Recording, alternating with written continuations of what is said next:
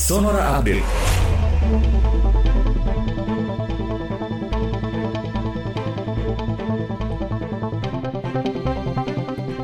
Sahabat Sonora, ratusan warga binaan Lapas Narkotika kelas 2 Yogyakarta Pakam Sleman dinyatakan positif terpapar virus COVID-19. Sebagian narapidana kini diungsikan ke blok terpisah.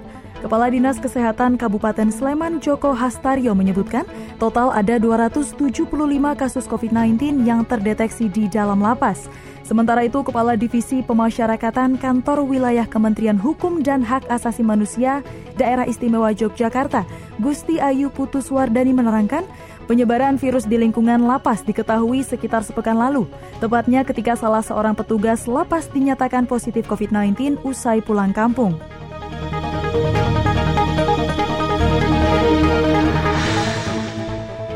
Bicara Satgas COVID-19 Wiku Adhisa Smito menyatakan masih sangat prematur atau terlalu dini menyimpulkan lonjakan kasus virus corona karena penyebaran kasus mutasi COVID-19 di sejumlah daerah. Wiku mengatakan pihaknya mendukung jika pemerintah daerah setempat ingin membuat studi independen terkait dengan dugaan lonjakan kasus karena mutasi COVID-19.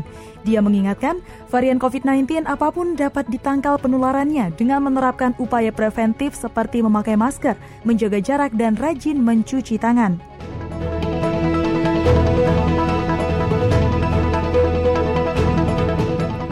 Pemerintah Arab Saudi menyebar robot pembawa air zam-zam di sekitar Masjidil Haram agar para jemaah haji 2021 tidak perlu berdesakan saat ingin minum demi menghindari penyebaran COVID-19. Presiden Jenderal Dua Masjid Suci Abdul Rahman Al Sudais mengatakan mesin tersebut mulai diuji coba di Masjidil Haram hari Minggu kemarin. Dilansir dari Arab News, robot tersebut terlihat seperti nampan bertingkat yang membawa botol-botol plastik berisi air.